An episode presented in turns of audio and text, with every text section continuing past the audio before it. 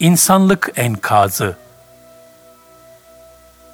Günümüzde global kültür istilası, televizyon ve internetin menfi telkin ve şartlandırmaları da adeta ruhlara zehir serperek, manevi hassasiyetleri dumura uğratıyor, kapitalist düzenin israf değirmenine su taşıyor. Vahşi kapitalizmin neticesi bir insanlık enkazıdır. Zira insana göz yaşını unutturur, merhametini yitirmiş bir vicdan ortaya çıkarır. Ruha şifa verecek eczanelerin kapısına da kilit vurur. Gerek kapitalist, gerekse sosyalist ve komünist sistemlerin yapısında fazilet ve kalbi hassasiyetlere yer yoktur. Birinde mülk toplumundur, diğerinde ise ferdindir. Yani malın yerini tespit hususunda da ihtilafları vardır. Her ikisinde de çıkarcı ve sömürücü bir zihniyet hakimdir. Fertler bir çarkın dişlisi halinde telakki edilir. İslam'da ise mülk Allah'ındır. Bütün mülkler bugünkü yaygın tabiriyle bir nevi devre mülktür. Kul, kendisine belli bir süreliğine emanet edilen bu mülk üzerinde ancak bir tasarruf memuru mevkiindedir. Bu sebeple İslam'da bir gün bırakılıp gidilecek olan maddi kazancı elde etmek için insanı ve toplumu sömürmek, kul hakkına girmek, ilahi hudutları çiğnemek asla yoktur. İslam iktisadı insanın problemini çözmekle başlar. Paylaşmak ve başkalarına bilhassa da ihtiyaç sahiplerine faydalı olmak şarttır, farzdır. Resulullah sallallahu aleyhi ve sellem Efendimiz buyurur. Her sabah iki melek iner. Biri, Ya Rab, infak edene infakına karşılık yenisini ihsan eyle der. Diğeri de, Ya Rab, cimrilik edenin malını telef et diye dua eder. Ayet-i kerimede sailin yani muhtacın ve mahrumun yani iffeti dolayısıyla isteyemeyenin onların yani zenginlerin mallarında muayyen bir hakkı vardır buyurulur. Ez-Zariyat 19 Bu düstur hem parayı kullanma eğitimidir hem de gönülleri kaynaştırma vesilesidir. Yani İslam hayatın her sahasında olduğu gibi ticari ve iktisadi faaliyet sahasında da bir nizam vazetmiştir. Helal ve haram hudutları koymuştur.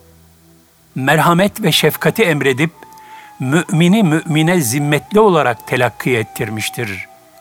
Kazancı hak, adalet ve merhametle mezcettirmiştir. Kapitalist sistem sadece maddi menfaatini ve karını düşünür.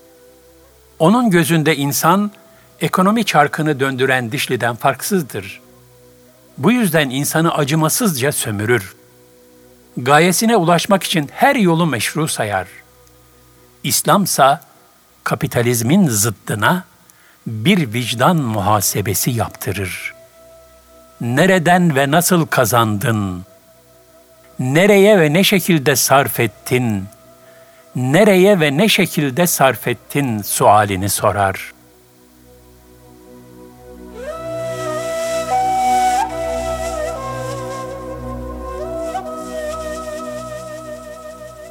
İslam'ın üç prensibi Parayı doğru kullanabilmek bir sanattır. Kalbin şaheseridir. Bunun için de bir, kazanç helal olacak. İki, israf edilmeyecek. Üç, pintilik, cimrilik yapılmayacak. Şu üç türlü insan Allah'tan uzaktır. Rahatlarını hesaplayarak hizmetten kaçanlar.'' hassas olduklarını öne sürerek ıstırap ve sefaletlerin civarına yaklaşmayanlar. 3. Zalimler ve gafiller topluluğuyla beraber olanlar. İsraf, güç gösterisinde bulunarak aşağılık duygusunu örtbas etmeye çalışmaktır. Pintilik ise şeytanın telkin ettiği fakir düşme korkusuyla infaktan kaçıp sırf kendine biriktirmektir. Hakka tevekkül noksanlığının ve korkaklığın getirdiği bir zaaftır. Parayı sığınak, barınak ve dayanak haline getirmektir. İsraf da, pintilik de mülkün gerçek sahibi olan Cenab-ı Hakk'a isyan niteliğindedir. Mümin, israf ve pintiliğin zıddına, kalbindeki imanın seviyesi nispetinde bol bol infak edecek. Yani imkanı olan her Müslüman, çok kazanmaya ve çok infak etmeye gayret gösterecek. Zira Kur'an-ı Kerim'de 200 küsur yerde infak vazifemiz hatırlatılıyor. Hadis-i şerifte de veren el alan elden hayırlıdır buyurularak infak edebilecek bir mümin olmak teşvik ediliyor. Ebu Zer radıyallahu anh'ın şu sözleri de ne kadar manidardır. Bir malda üç ortak vardır. Birincisi mal sahibi yani sen. İkincisi kaderdir. O hayır mı yoksa felaket ve ölüm gibi şer mi getireceğini sana sormaz. Üçüncüsü mirasçıdır. O da bir an önce başını toprağa koymanı bekler. Ölünce malını alır götürür. Sen de hesabını verirsin. Eğer gücün yeterse, sen bu üç ortağın en acizi olma. En doğrusu sağlığında kendi elinle infak etmendir. Bununla birlikte takva sahibi bir mümin her yeni güne başlarken vicdanı ona sorar. Bugün Cenab-ı Hak sana ömür takviminden yeni bir yaprak açtı. Bugünkü mesainde ne kadar kendine, ne kadar kendinin dışındakilere çalışacaksın. Allah nimetlerini sana bol bol ihsan etti. Fakat falana vermedi. Demek ki onu sana zimmetli kıldı. Zira ayet-i kerimede Cenab-ı Hak, Allah'ın sana ihsan ettiği gibi sen de insanlara ihsanda bulun buyuruyor. El-Kasas 77 Bu sebeple kamil bir mümin, diğergam bir gönülle mahlukata yönelerek, onların ihtiyaç ve noksanlıklarını şefkat ve merhametle telafi etmekten kendini daima mesul görür. Mevlana Hazretlerinin şu ifadeleri kamil müminlerin vicdan ufkunu ne güzel sergiler. Şems Kuddise Sirruh bana bir şey öğretti. Dünyada bir tek mümin üşüyorsa ısınma hakkına sahip değilsin. Ben de biliyorum ki yeryüzünde üşüyen müminler var. Ben artık ısınamıyorum. Yani Şems-i Tebrizi Hazretleri Mevlana'ya Allah'ın kullarının üşümesinden ürperen bir vicdan hassasiyetini öğretmişti. Hakikaten bedenin ısınması elbiselerle mümkündür. Lakin vicdanın ısınabilmesi ancak merhamet mahsulü davranışlarla kalbin hakka yaklaşmasına bağlıdır. Bu misal mahlukatın her türlü mahrumiyeti karşısında kullanılması gereken bir şablon gibidir. Dolayısıyla her türlü felaket ve sefalet manzaralarının bedenlerden evvel vicdanları ürpertmesi icap eder. Bu şekilde hakka istikametlenen vicdani ürperişler gönülleri ısındırıp huzura gark eder.'' İsmail Ata Hazretlerinin şu nasihati, kamil bir müminin gönül hassasiyetini ne güzel hülasa eder. Güneşte gölge, soğukta kaftan, açlıkta ekmek ol. Velhasıl bir müminin gönül ufku öyle olmalı ki, gayesi hakkın razı olacağı takva sahibi bir kul olabilmek.''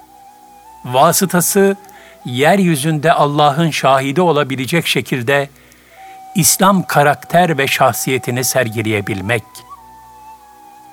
Neticesi de elinden ve dilinden ümmeti Muhammed'in hatta bütün mahlukatın istifade ettiği şefkat ve merhamet dergahı bir kalp alemine ulaşmaktan ibaret olmalı.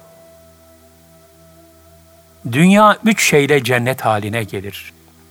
Bir, elden, dilden ve gönülden infak etmekle.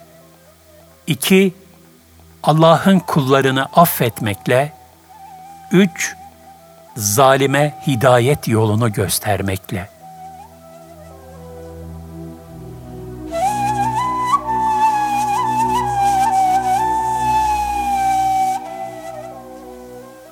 Kapitalizmle İslam karşılaşırsa altın oluk. Şöyle bir görüş de var. Batı'da Hristiyan ülkelerde kapitalizmle dinin karşılaştığı bütün sahalarda din kenara çekildi, yerini kapitalizme bıraktı. Türkiye ise yeni kapitalistleşen bir ülke. Kapitalizmin etkisi arttıkça bizde de olacak olan budur. Müslümanların yaşadığı kişilik kaybı böyle bir durumdan kaynaklanıyor deniyor. Siz nasıl değerlendirirsiniz? Bu kaçınılmaz bir son mudur? Kapitalizm iktisadi ve içtimai sahada Müslümanların belini bükecek mi? Yani İslam insanların hayatında fiilen sadece inanç ve ibadet alanına inhisar eden, biraz ahlak hassasiyeti getiren ama sosyal ekonomik hayatta etkisi çok sınırlanmış bir hale gelme riskiyle karşı karşıya mı? Osman Nuri Topbaş Kapitalizmin doğup yayıldığı toplumların ekseriyeti Hristiyan toplumlardır. Hristiyanlık, Rabbin İsa olduğunu bil, o sana yeter der. Sezar'ın hakkı Sezar'adır der. İktisadi ve içtimai hayatı tanzim etmek gibi bir derdi yoktur. Yani telkin ettiği şeylerin toplum hayatında bağlayıcı bir tarafı yok. Merhametli olacaksın diyor o kadar. Merhametli olmak da herkesin anlayışına göre değişiyor. Mesela zalim bir patron da ben merhametliyim diyebiliyor. İmam Şafii rahmetullahi aleyh buyurur. Kendini hak ile meşgul etmezsen batıl seni işgal eder. Fakat İslam iktisadi ve içtimai hayata dair müminlerin önüne pek çok kaide koyar. Müminler bunlara riayet ettiği takdirde ruhsuz ve acımasız bir iktisadi hayatın toplumu kuşatması mümkün değildir. Lakin müminler içtimai ve iktisadi hayattaki vazifelerini yerine getirmedikleri takdirde tabiat boşluk kabul etmez kaidesi gereğince bu alanları başka sistemlerin doldurması kaçınılmazdır. Demek ki bu hususta da asıl mesuliyet Müslümanlara düşüyor. Çünkü İslam hakkın rızasına uygun yaşamanın ölçülerini bildirir. Onu yaşamaksa Müslümanın vazifesidir.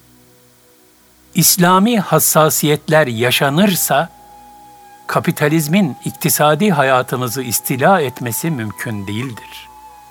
Fakat İslami ölçülerden ne kadar fire verilirse o nispette kapitalizm davet edilmiş olur.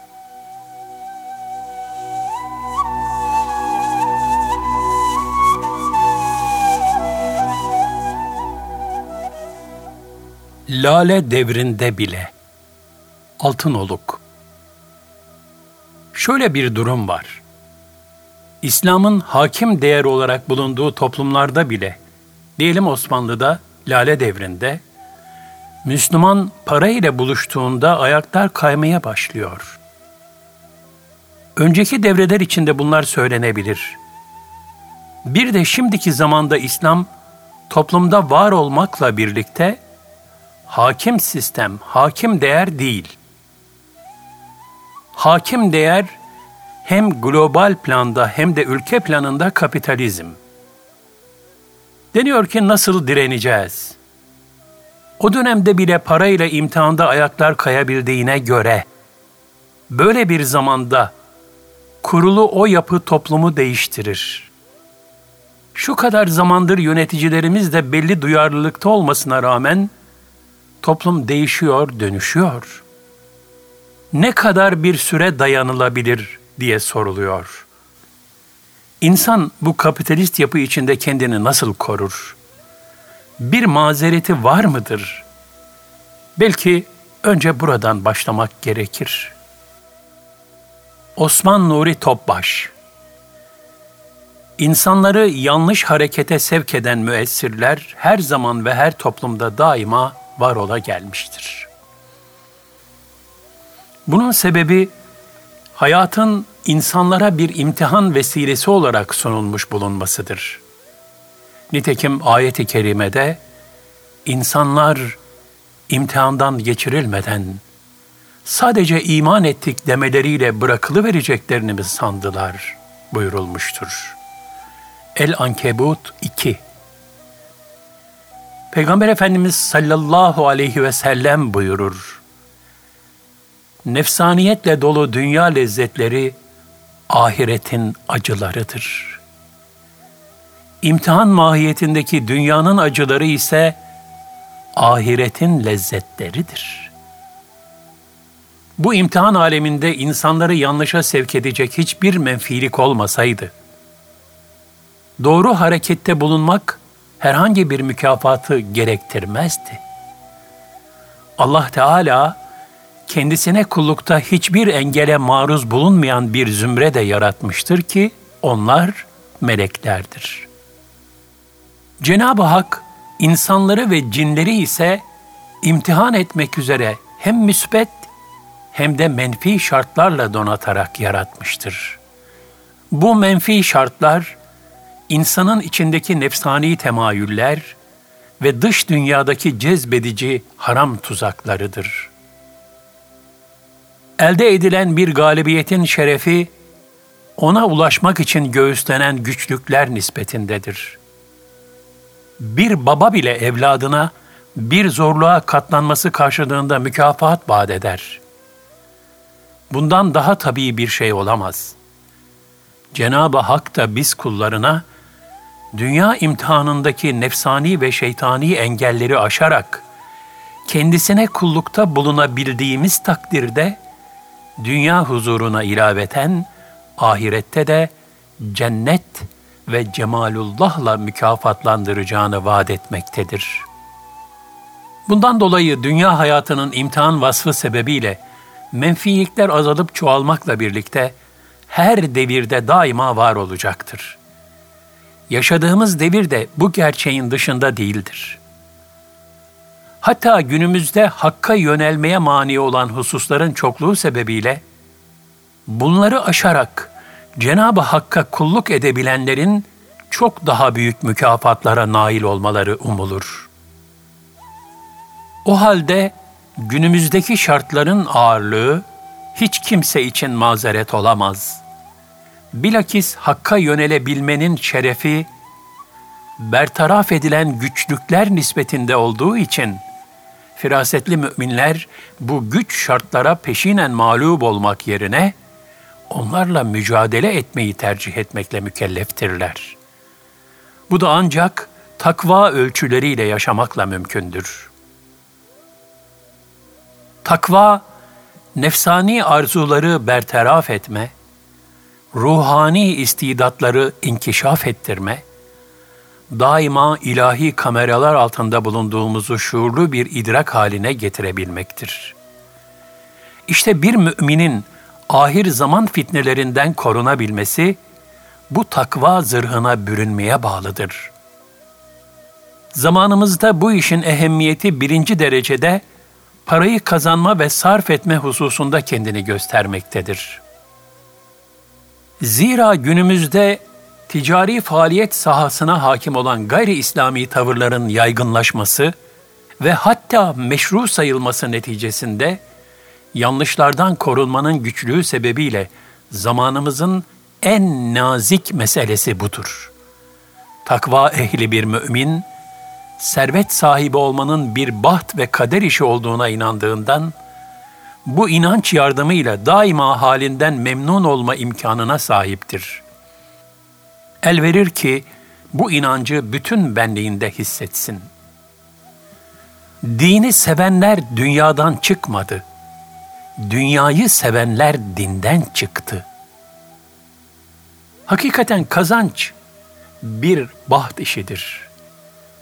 Bir adam görürsünüz, adamın hiçbir ticari tecrübesi yoktur ama bir arsası vardır. Bir anda değerlenmiştir de zengin olmuştur. Ben kazandım demeye, övünüp gururlanmaya başlar. Diğer bir kimseyi de görürsünüz, firasetlidir, ekonomik kaideleri diğerinden çok daha iyi bilir ama bir türlü işlerini düzeltemez. Halk da bu gerçeği fark etmiş olduğundan bazı insanlar için taşı tutsa altın olur. Bazı insanlar içinse altın tutsa taş olur demiştir. Rabbin birer imtihan olarak rızkı dilediğine bol verir, dilediğine daraltır. Şüphesiz ki o kullarından haberdardır. Onları çok iyi görür. El-İsra 30 Cenab-ı Allah Fecr suresinde buyuruyor ki, insan var ya, Rabbi kendisini imtihan edip de ikramda bulunduğunda ve bol nimet verdiğinde sevinir, bunun bir imtihan olduğunu düşünmeden Rabbim bana ikram etti der. El-Fecr 15 Bunun devamındaki ayette de onu imtihan edip rızkını daralttığında ise insan üzülür. Rabbim beni önemsemedi, bana ehemmiyet vermedi der buyuruluyor. El-Fecr 16 Halbuki kazanılan paranın kişiye hayır mı getireceği, şer mi getireceği bilinmez. Gaybı yalnız Allah bilir. Bu yüzden kamil bir mümin ne para kazandığında gereğinden fazla sevinir, ne de kaybettiğinde lüzumundan fazla üzülür. Her halükarda gönlünü Cenab-ı Hakk'a karşı rıza makamında tutar. Zira bilir ki Cenab-ı Hakk'ın rızasına nail olmak için evvela kulun kendisi hakkında takdir edilene rıza göstermesi, kanaat ve tevekkül ehli olması şarttır. Cenab-ı Hak kuluna ne kadar imkan verirse versin, kul daima hamd, şükür ve zikir halinde olmalı. Niye falana verdi de bana vermedi? Düşüncelerini bir kenara atmalı. Hayatın acı tatlı sürprizleri ve değişen şartları karşısında istikametini korumak için sabır silahına sarılmalıdır. Resulullah sallallahu aleyhi ve sellem Efendimizin telkin ettiği esas hayat ahiret hayatıdır hakikatinin şuur ve idraki içinde olmalıdır. Nimetlere nail olduğunda Cenab-ı Hakk'ın takdirinden razı olup buna mukabil onlardan mahrum kaldığında ilahi takdire karşı hoşnutsuzluk göstermek Cenab-ı Hakk'a teslimiyetle bağdaşmaz. Fakat insan manen olgunlaşmadıkça da bu beşeri zaaftan kolay kolay kurtulamaz. Ancak nefsini teskiye edip rıza makamına ulaştığında, ilahi iradenin hayır ve şer şeklinde tecelli eden bütün kaza hükümlerine tereddütsüz teslimiyet gösterir, şikayet ve sızlanmayı bir kenara bırakır. Böyle kamil müminler hakkındaki ilahi müjde ne güzeldir. Ey huzura kavuşmuş insan!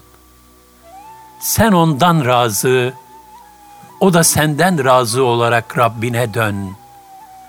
Salih kullarım arasına katıl ve cennetime gir. El-Fecr 27 30 Allah Resulü sallallahu aleyhi ve sellem buyurur. Altın ve gümüş paranın kibir ve gurur taşıyan elbisenin kulu olan helak olsun. Menfaat düşkünü muhteris kişiye dilediği verilirse memnun olur verilmezse razı olmaz. İlahi taksim ve takdire isyan eder. Mustazaflık mazeret mi? Altınoluk Kapitalist düzenin iktisadi hayata şartlarını dayattığı günümüzde, Kur'an'daki mustazaf, zayıf düşürülmüş Müslüman ifadesi bir mazeret alanı olarak görülebilir mi? Osman Nuri Topbaş Böyle bir şey düşünemeyiz. Zira asr-ı saadet toplumu ekseriyetle varlıklı bir toplum değildi.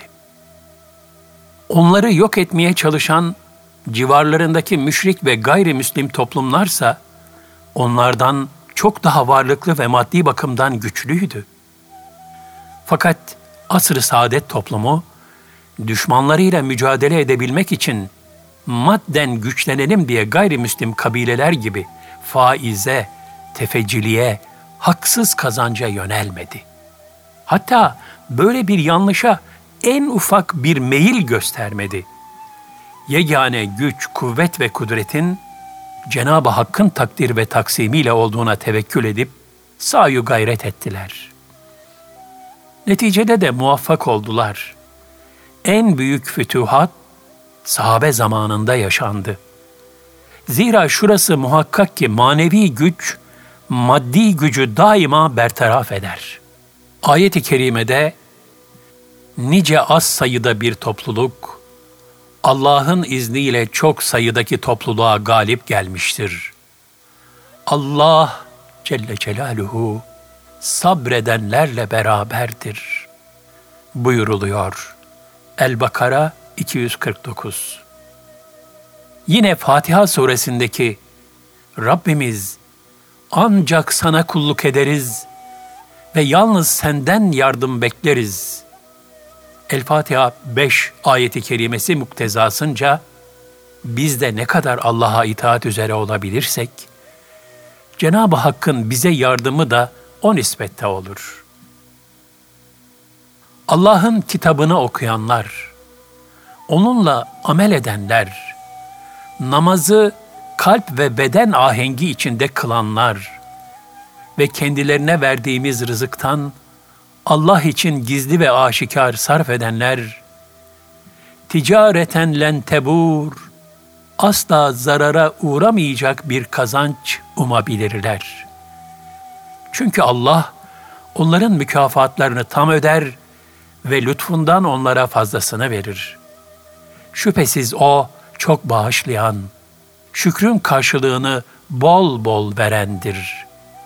Fatır 29-30 İnsan terbiyeye muhtaçtır.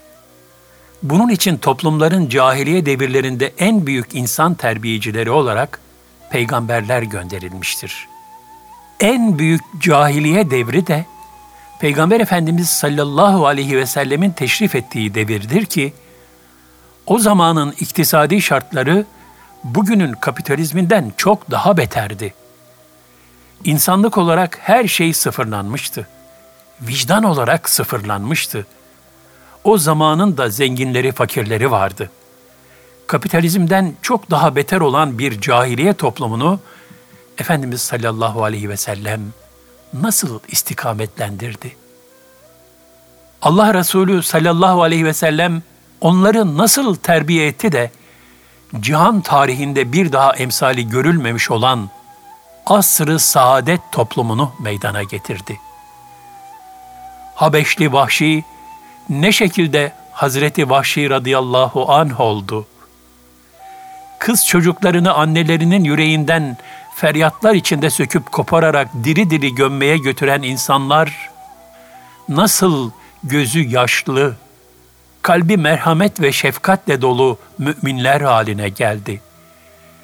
İşte buna bakmak lazım. Kapitalizm gibi, sosyalizm gibi eski zamanlarda da benzeri sistemler çok gelip geçti.''